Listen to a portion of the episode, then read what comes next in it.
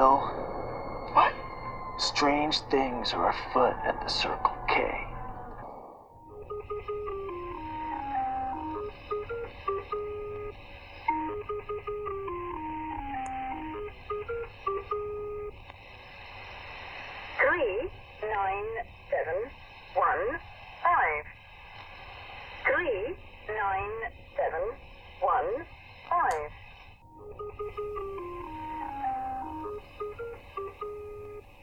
Welcome to this week's episode of Bigfoot for Breakfast, home of the mysterious and the macabre, where we sit in the basement every week challenging conventional thought. Today we plan to dive into something that has been a dark and often shameful cloud over humanity and the medical field since its beginning mental health practices. The subject within this that we will be exploring today is the Trans Allegheny Lunatic Asylum of Weston, West Virginia. It is a physically and figuratively looming example of failure in the mental health systems across the United States during a huge span of time.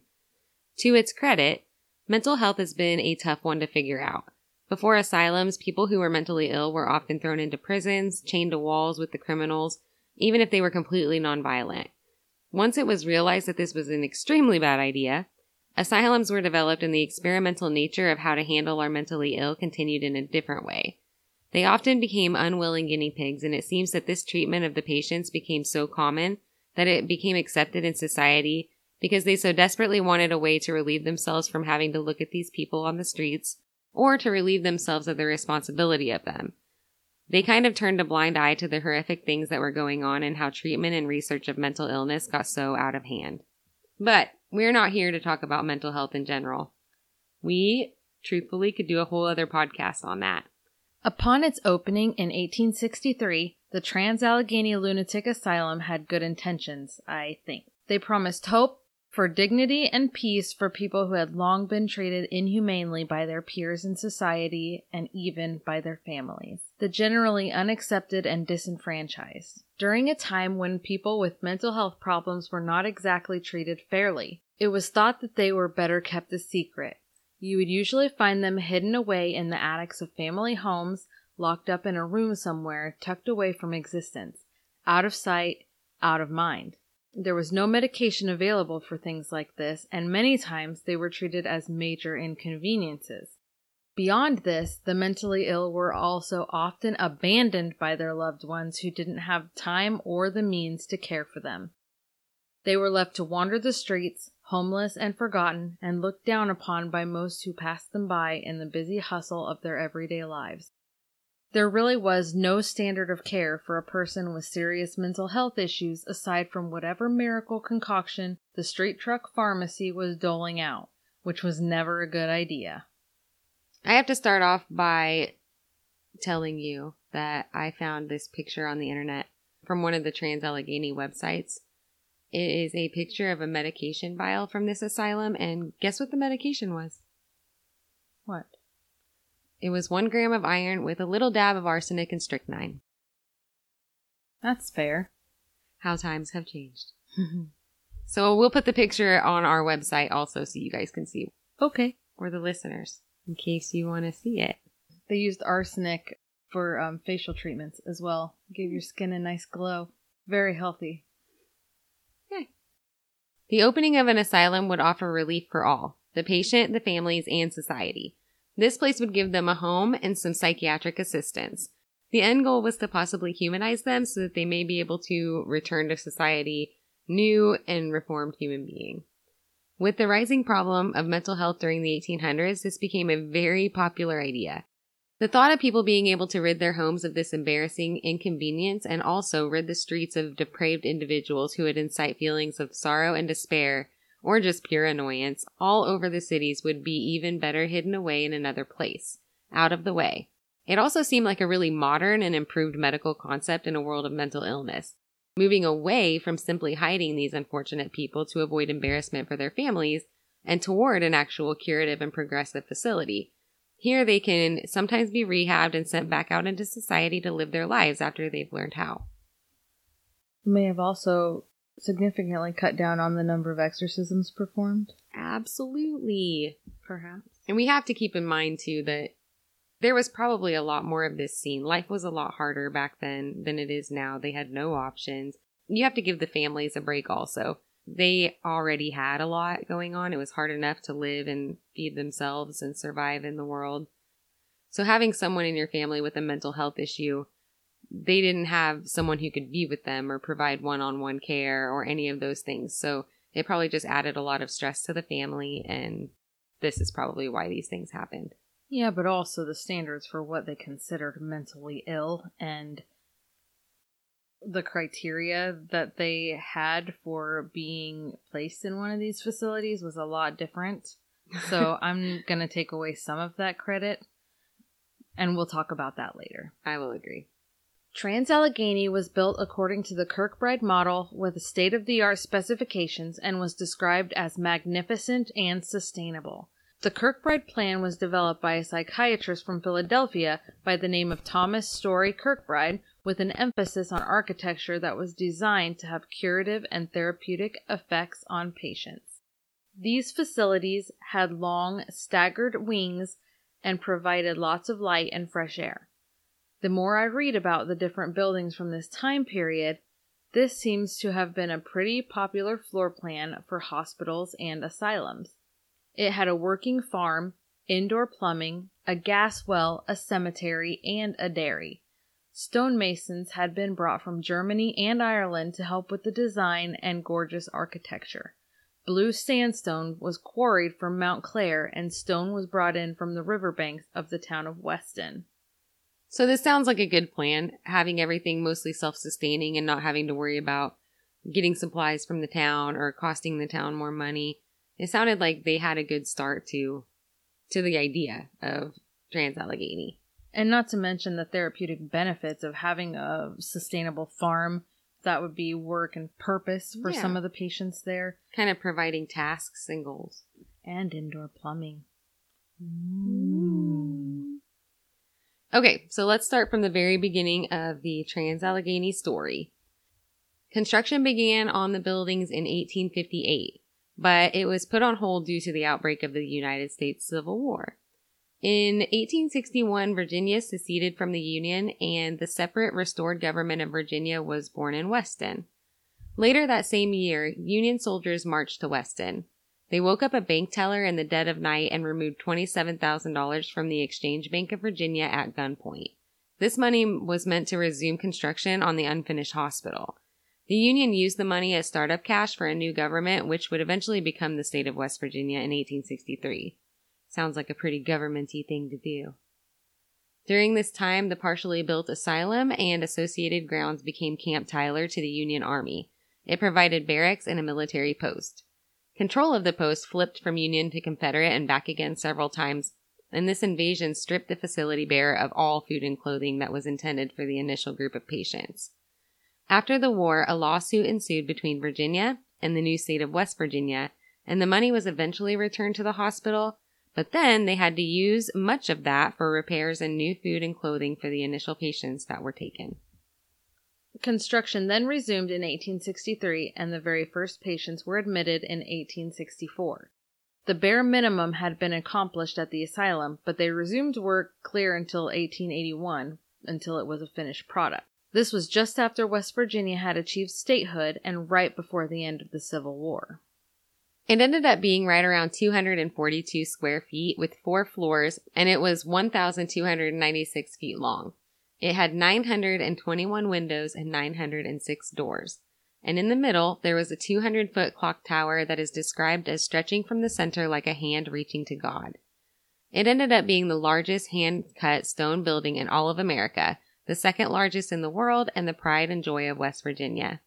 You can go to their website online and find lots and lots of photos of this place. It really was beautiful. Architecture was a lot different back then. They took a lot more time to make things beautiful and there was a lot of emphasis on detail and it's kind of a gothic revival style building. It's definitely worth a Google. Absolutely worth a Google. The open and bright design was centered around making the patients feel as though they were at home and not in an institution, so they could be relaxed and feel as though they were being well cared for. If you visited today, you could see the carvings of faces into the side of the building intended to ward off evil spirits. It was designed as a sanctuary with all the best intentions, but that is not how it ended up.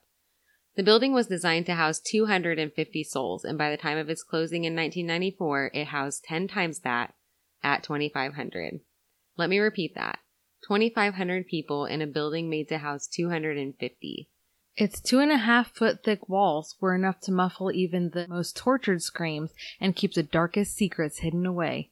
This intended holistic approach to mental illness that was envisioned for the asylum did not last very long. So we'll get into the horrifying history of the asylum. Not even history. As of today, they still have issues with being horrified in a different way. There's a lot of spirits that are said to walk the halls of Trans Allegheny. So we'll probably get into that later. We didn't find a lot in our research as far as the ghostly aspect of the asylum, but the actual proven physical history is plenty scary enough. When they opened their doors, people immediately began to filter in, and only seven years after opening, they had already more than doubled their capacity and didn't seem to be turning anyone away. Keep in mind, though, that in this time period, people could be committed for literally anything, especially women because they were rigidly expected to live by specific standards and expectations. It was not uncommon for women to be committed for things such as PMS and moodiness. A man could commit his wife for any reason at all. Say he was tired of her behavior, he'd send her to the asylum and went on to start a new relationship. If he never returned to get her, his wife would then become a ward of the state.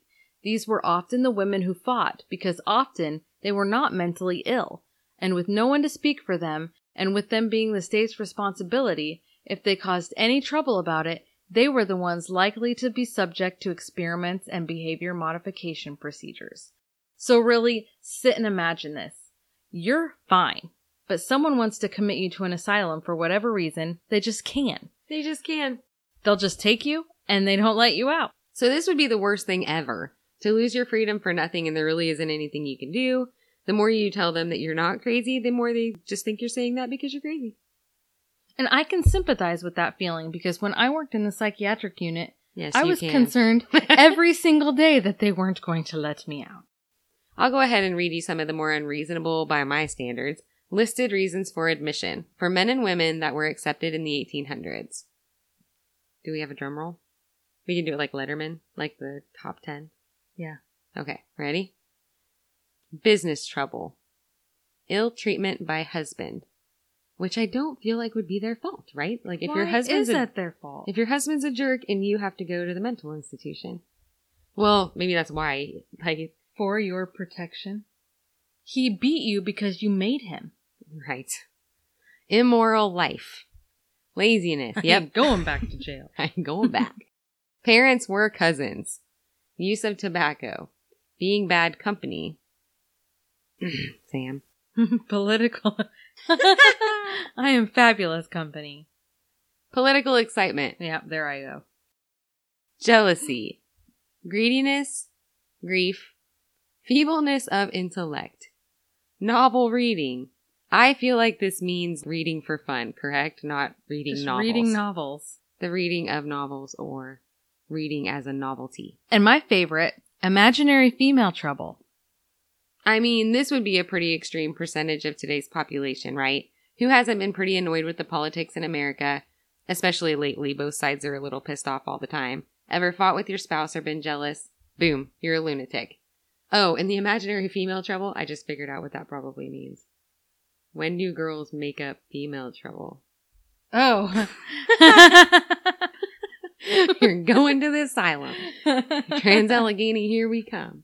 Although these are listed as reasons for admission, I'm hoping that these are more like reasons that led to the extreme mental illness, but a lot of sources say that this is just not so. They weren't putting up with any outlandish crap in society at that point, were they? Don't step out of line. Think of all the weirdness in the world today. What about the clown pandemic? Oh, oh! Speaking of the weird people today, did you hear about the the TV? random TV deliveries? Yeah. Yeah, There's that a town weird. and somebody is walking around with a TV on his head in a jumpsuit and dropping off broken televisions on people's porches and Like- waving at their security cameras. Old TV. It's crazy. I mean, it's kind of funny, but that'll get you into old TA.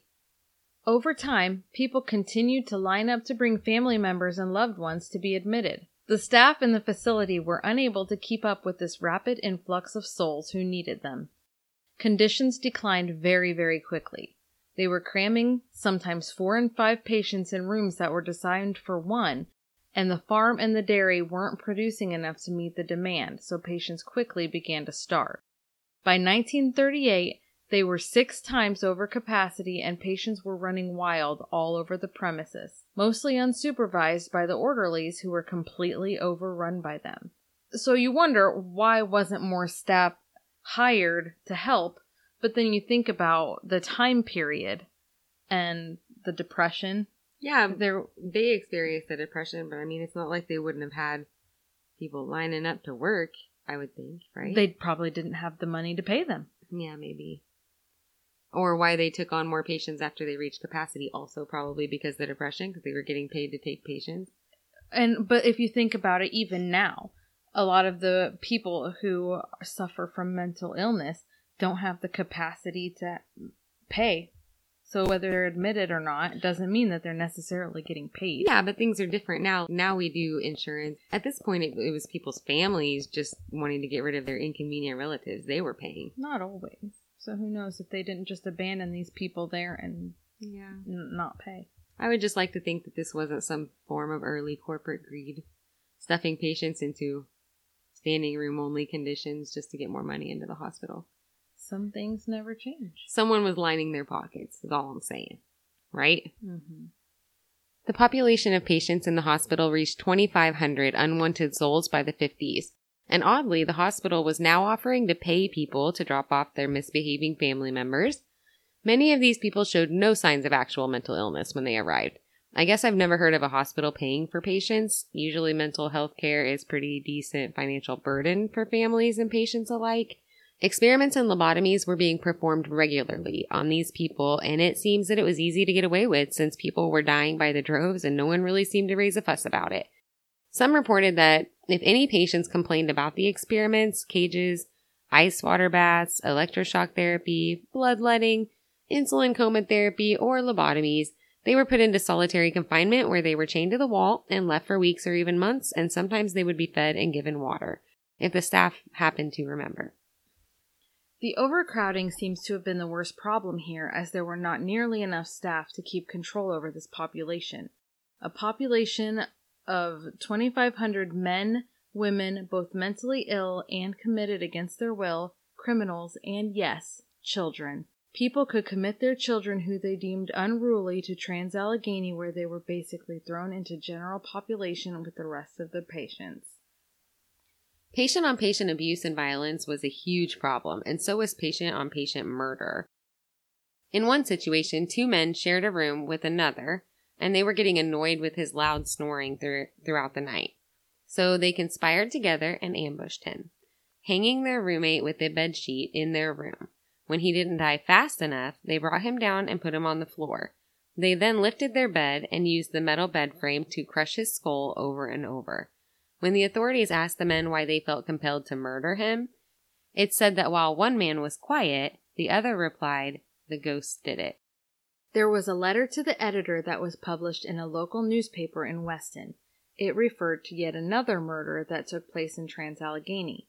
It reads this Some days ago, according to the Clarksburg Telegram, a patient confined in the asylum was brutally murdered by another inmate. The attendants, watchful guardians, knew nothing of the matter until the head of the poor victim was beaten to a jelly. No inquest was held, and I presume the poor creature will be reported as died in the next annual report. This sort of thing may be all right, but a number of people here do not think so, and would thank the legislator for a good committee to investigate the management of the asylum. This tells me that at least some of the townspeople obviously understood that there was a severe level of mistreatment and mismanagement going on in the facility. This letter even alludes to the townspeople's awareness of management attempts to gloss over these brutalities in their reports. We didn't even have mental health protocols yet, so I highly doubt there were any rigorous laws keeping things square here. An article was also published regarding the murder. It reads as well. On the 31st of January, 1877, soon after the attendants having charge of ward number 8 in the hospital, unlocked their sleeping rooms, and before the patient mentioned in the above paragraph had fully dressed himself, another patient, who had been more expeditious in putting on his clothes, slipped in upon him before he left his room and struck him with several blows with a bed slat, from which he died. These patients occupied rooms in different parts of the ward, and, as set forth in the accompanying certificate, the one that inflicted the injury had not previously manifested homicidal proclivities. The attendants discovered the dead shortly after it was committed, and at once reported the fact to the physicians, but the patient was in a dying condition when the doctor reached him. The superintendent then made known the facts to the proper authorities, but owing to the circumstances, a formal inquest was not thought to be necessary. But at the doctor's solicitation, the prosecuting attorney and several physicians examined the remains and questioned all who knew anything relative to the case. The patient that perpetrated the act acknowledged that he did it and in a very succinct manner entered into full revelation. He said that if he had not killed him, the deceased would have murdered him, all of which, of course, was the offspring of his disordered brain. His victim was an epileptic in the lowest stages of insanity. He did not have mind enough to make any defense nor to call for assistance, which he would have received had he done so, and there were others in the hall who would have noticed any unusual noise or commotion. Okay, so this was an article that was published about this murder. It's a little hard to understand, so basically, we're going to unpack it a little bit. One patient snuck up on another bright and early in the morning, beat him with a bed slat, and killed him. The authorities were notified, but they pretty much told the doctor to handle the investigation on their own, and they would just back up whatever he said. The murderer was thought to be paranoid in thinking that he would be likely killed by this man, who was merely an epileptic, not insane, not violent, and this article is published to point out one good example of the hospital's continued mistake in placing extremely violent patients in the same areas as extremely vulnerable ones. Imagine your sweet disabled grandmother being assigned a roommate like Hannibal Lecter. Or like Sam here. It puts the lotion on the skin. In response to these publishings, the hospital released the death certificate of the deceased and it read, We, the undersigned, at the request of Dr. T.B. Camden, viewed the body of G.T. and find that he came to his death by the hands of J.M., an insane patient by blows inflicted by him with a bed slat upon the head, fracturing the bones of the skull, and that the act was unavoidably committed on sudden impulse, and as far as we're able to ascertain, no blame can be attached to anyone, given our hands. So, no one took the blame, and it was just chalked up to one of those things. Boys will be boys. So, this document was signed by all involved, and a note was added. We have omitted the full names of the two patients referred to in the certificate and have used merely the initials for the sole reason of saving the feelings of their friends. I will be readily seen by these facts that there was no disposition to conceal anything connected with the much regretted catastrophe. So glad they cleared that up. And just think, people died by the thousands in places like this and in situations just like this. It would have been a very scary and lonely place to be as a sane person. But for people who were mentally ill, those feelings of abandonment and neglect couldn't have helped their situation at all. This place was a total recipe for catastrophe. Obviously, there were several people being housed in each room, so the same bed would be used by three or four different patients, and they were forced to sleep in shifts. 2,500 people, many of them completely insane, some of them very despondent about being placed here against their will, some of them children, some of them criminals, housed in tight, dark, unsanitary conditions with very little actual mental health assistance. Most of them scared and very distrustful of the experiment happy and incredibly abusive orderlies and doctors, patients outnumbering the doctors and orderlies by a long shot, and everyone is very sleep deprived. This sounds like a nightmare. The tactics that started out as focused on therapeutic and curative measures soon became strategies of simply maintaining order. The attitude completely shifted from how can we help these people live regular, peaceful lives to how can we keep them contained and quiet. There were just too many to really focus on any one of them for any length of time to help develop their thoughts and skills, and the more unruly patients who needed more attention, they were just put in cages. They put them in cages to keep them from getting murdery. I read about another murder of a woman by the name of Muriel Creamer. She was admitted on May 18, 1963. Muriel was a housewife from Charlestown, West Virginia, prior to her admission and would never again get the chance to return home. She passed away on May 25th, only a short week after her admission. She was found deceased in her room in Ward C around 9 p.m. when the psychiatric aide was doing bed checks.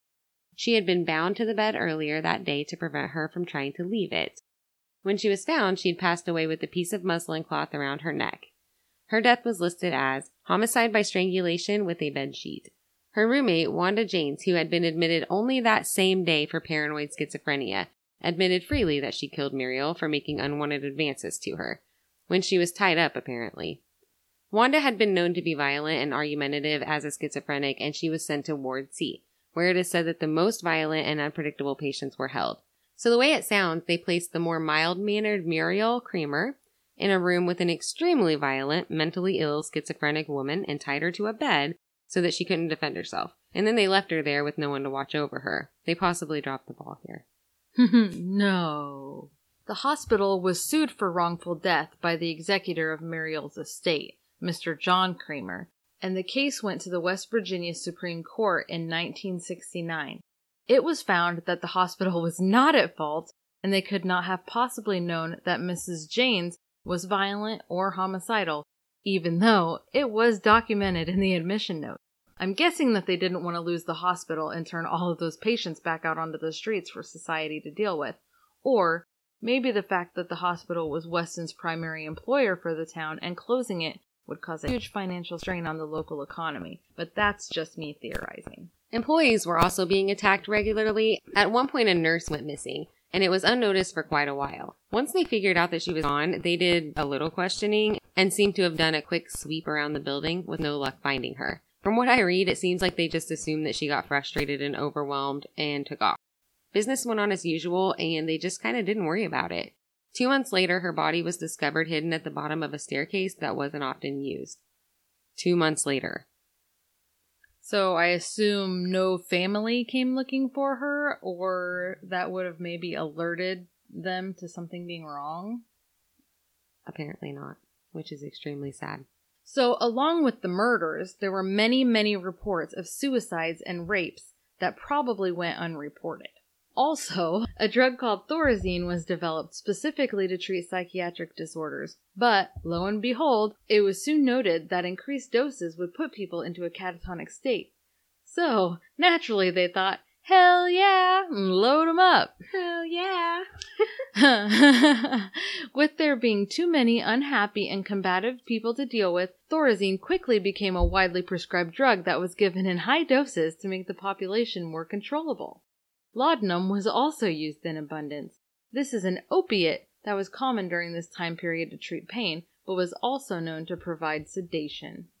I want to throw in here that I've read several books in the past in which laudanum was used as a poison to murder folks too.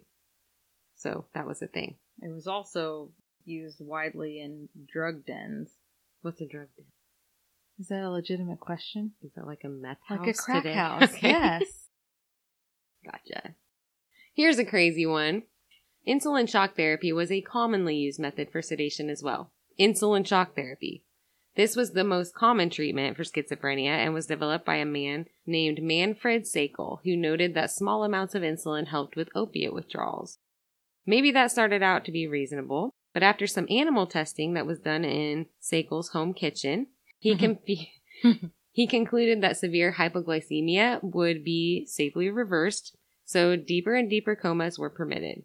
This became extremely popular in the world of psychiatric medicine and was used often to keep more unruly patients in an actual hypoglycemic coma for weeks, sometimes months, with daily doses of enough insulin to drop their blood sugar to dangerously low levels and render them unconscious. So, the results of these animal testings, which were concluded to be safe, I'm feeling like our definition of safe and their standards of safe were probably not similar. They may differ mildly. Nothing like a good old fashioned diabetic coma to make a person more chill. Here's where things get even more crazy. The infamous Dr. Walter Freeman I've been waiting to talk about Dr. Walter Freeman. He was a traveling physician who regularly made rounds to the Trans Allegheny Lunatic Asylum during the 40s and 50s. If you haven't heard of Dr. Freeman, he was well known for his so called expertise in performance of frontal lobotomies. His record was sound, though, right? Not so much. He performed around 3,439 lobotomies in his lifetime with a 14% fatality rate. This actually may have been pretty good given that time period. Hmm, possibly. And just given the extremely psychopathic procedure being performed. I'd rather have a bottle in front of me than a frontal lobotomy. Same. So, Dr. Freeman was chosen to head up a program called the West Virginia Lobotomy Project. Sounds like a boy band. Um, it does. which was essentially an effort to reduce the number of symptomatic patients in asylums due to overcrowding. So basically, if they can't get rid of some, they'll take away their symptoms, meaning, you know, their feelings, Their personality. to make them more manageable. Anyone can manage a drooling blob of a person with no soul left in them. Let's just take away who you are and see how that goes. His tool of choice? An ice pick. So he jammed an ice pick through the eye socket and into the brain to intentionally and permanently interrupt the neural connections in the brain's prefrontal cortex. This left them completely without affect and without their personality. They would be alive, but they were often gone, unable to perform even the most basic self care. What was thought to be a relief of unwanted symptoms was really just permanent brain damage, and they did this to thousands of people. So we moved from putting people into comas with insulin to physically altering their brains with an ice pick.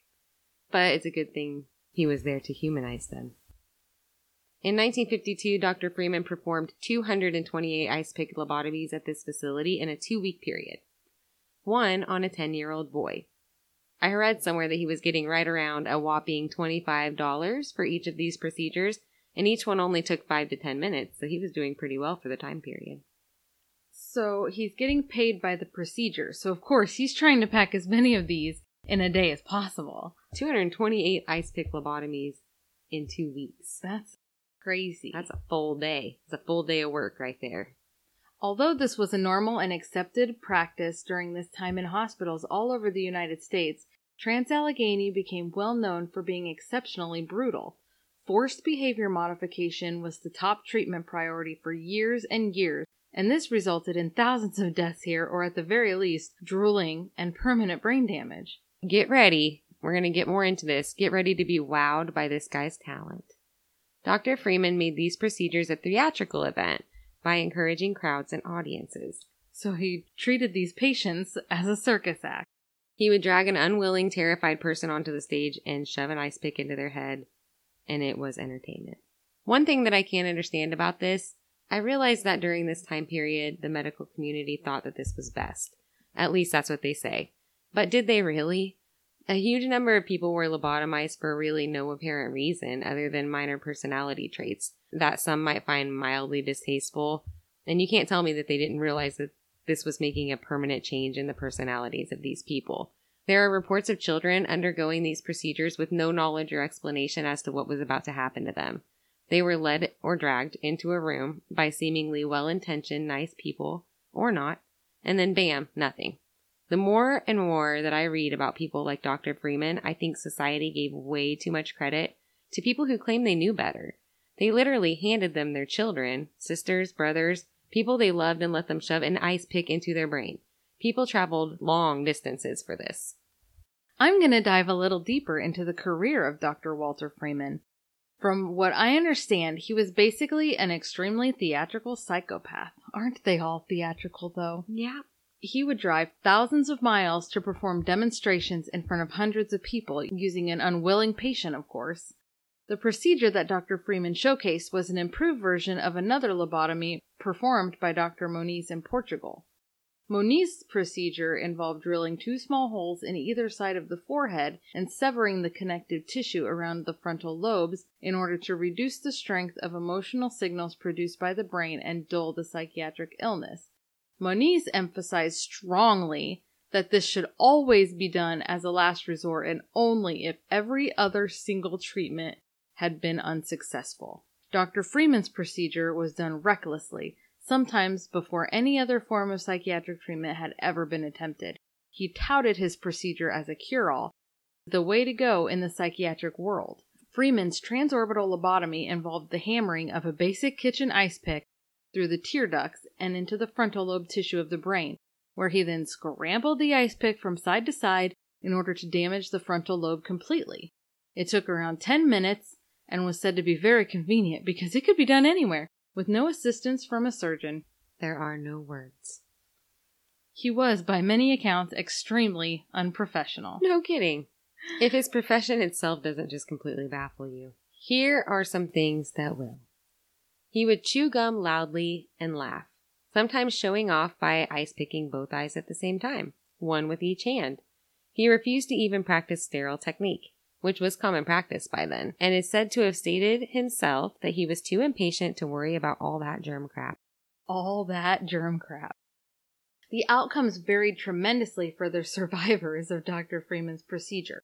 Some were left in a completely vegetative state, some were left with significant handicaps, and a few, just a few, survived with little deficits, amazingly.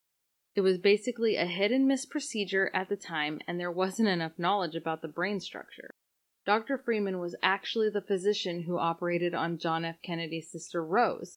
He performed an ice pick frontal lobotomy on her at the request of her father due to mild learning difficulties. She was never able to live on her own and floated from facility to facility for the rest of her life, hiding away as the Kennedy family embarrassment.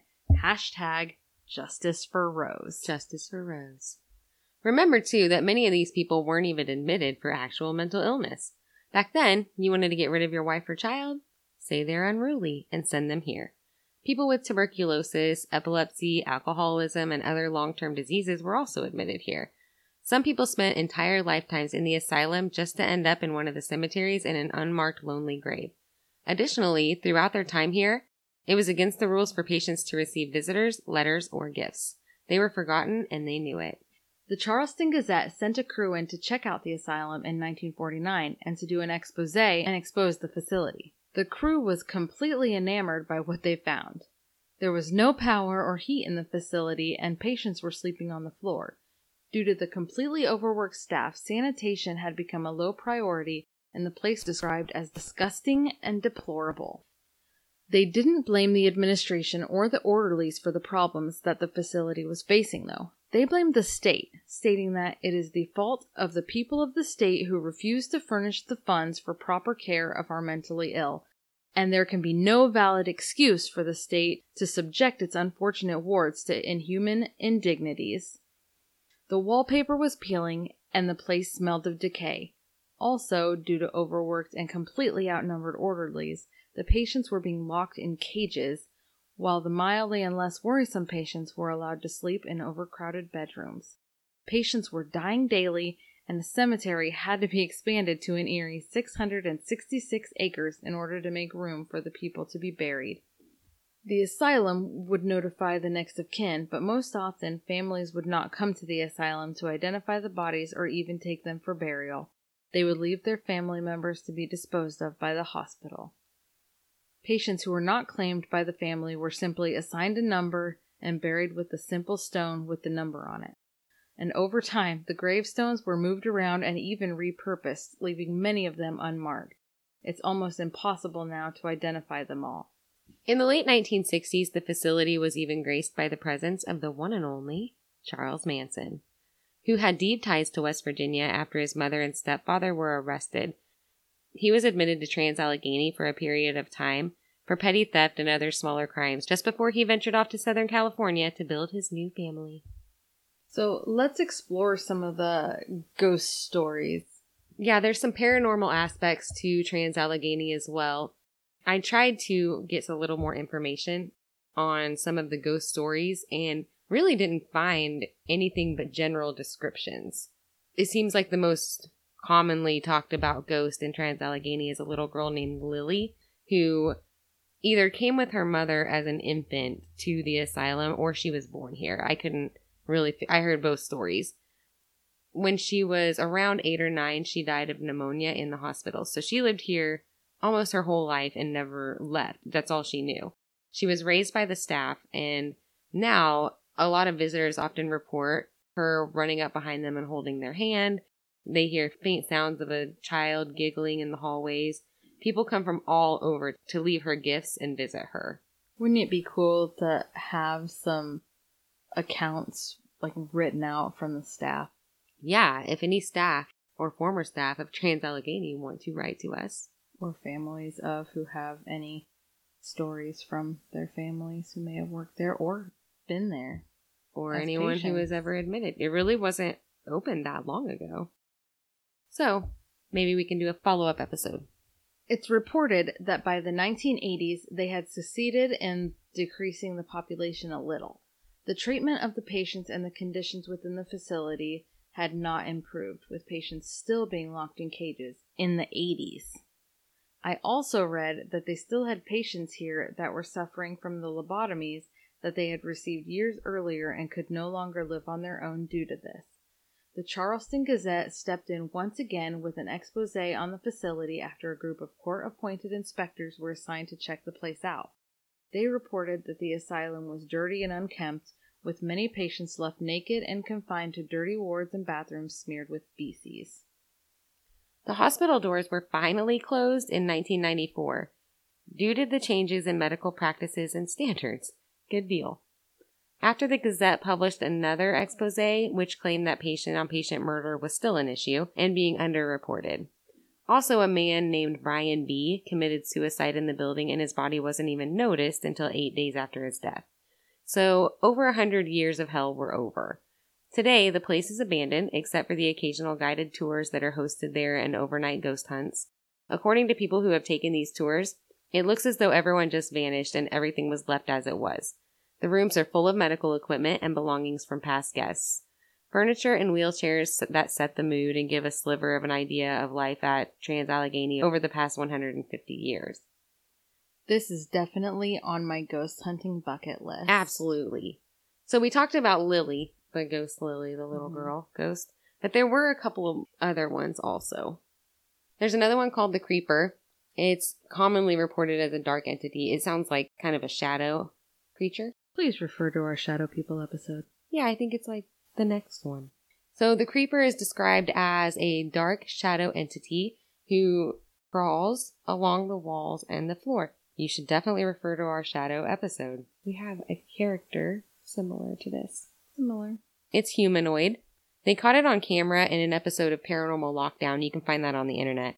But a lot of people called out this claim online as a man in a black suit and a lot of camera shadow tricks.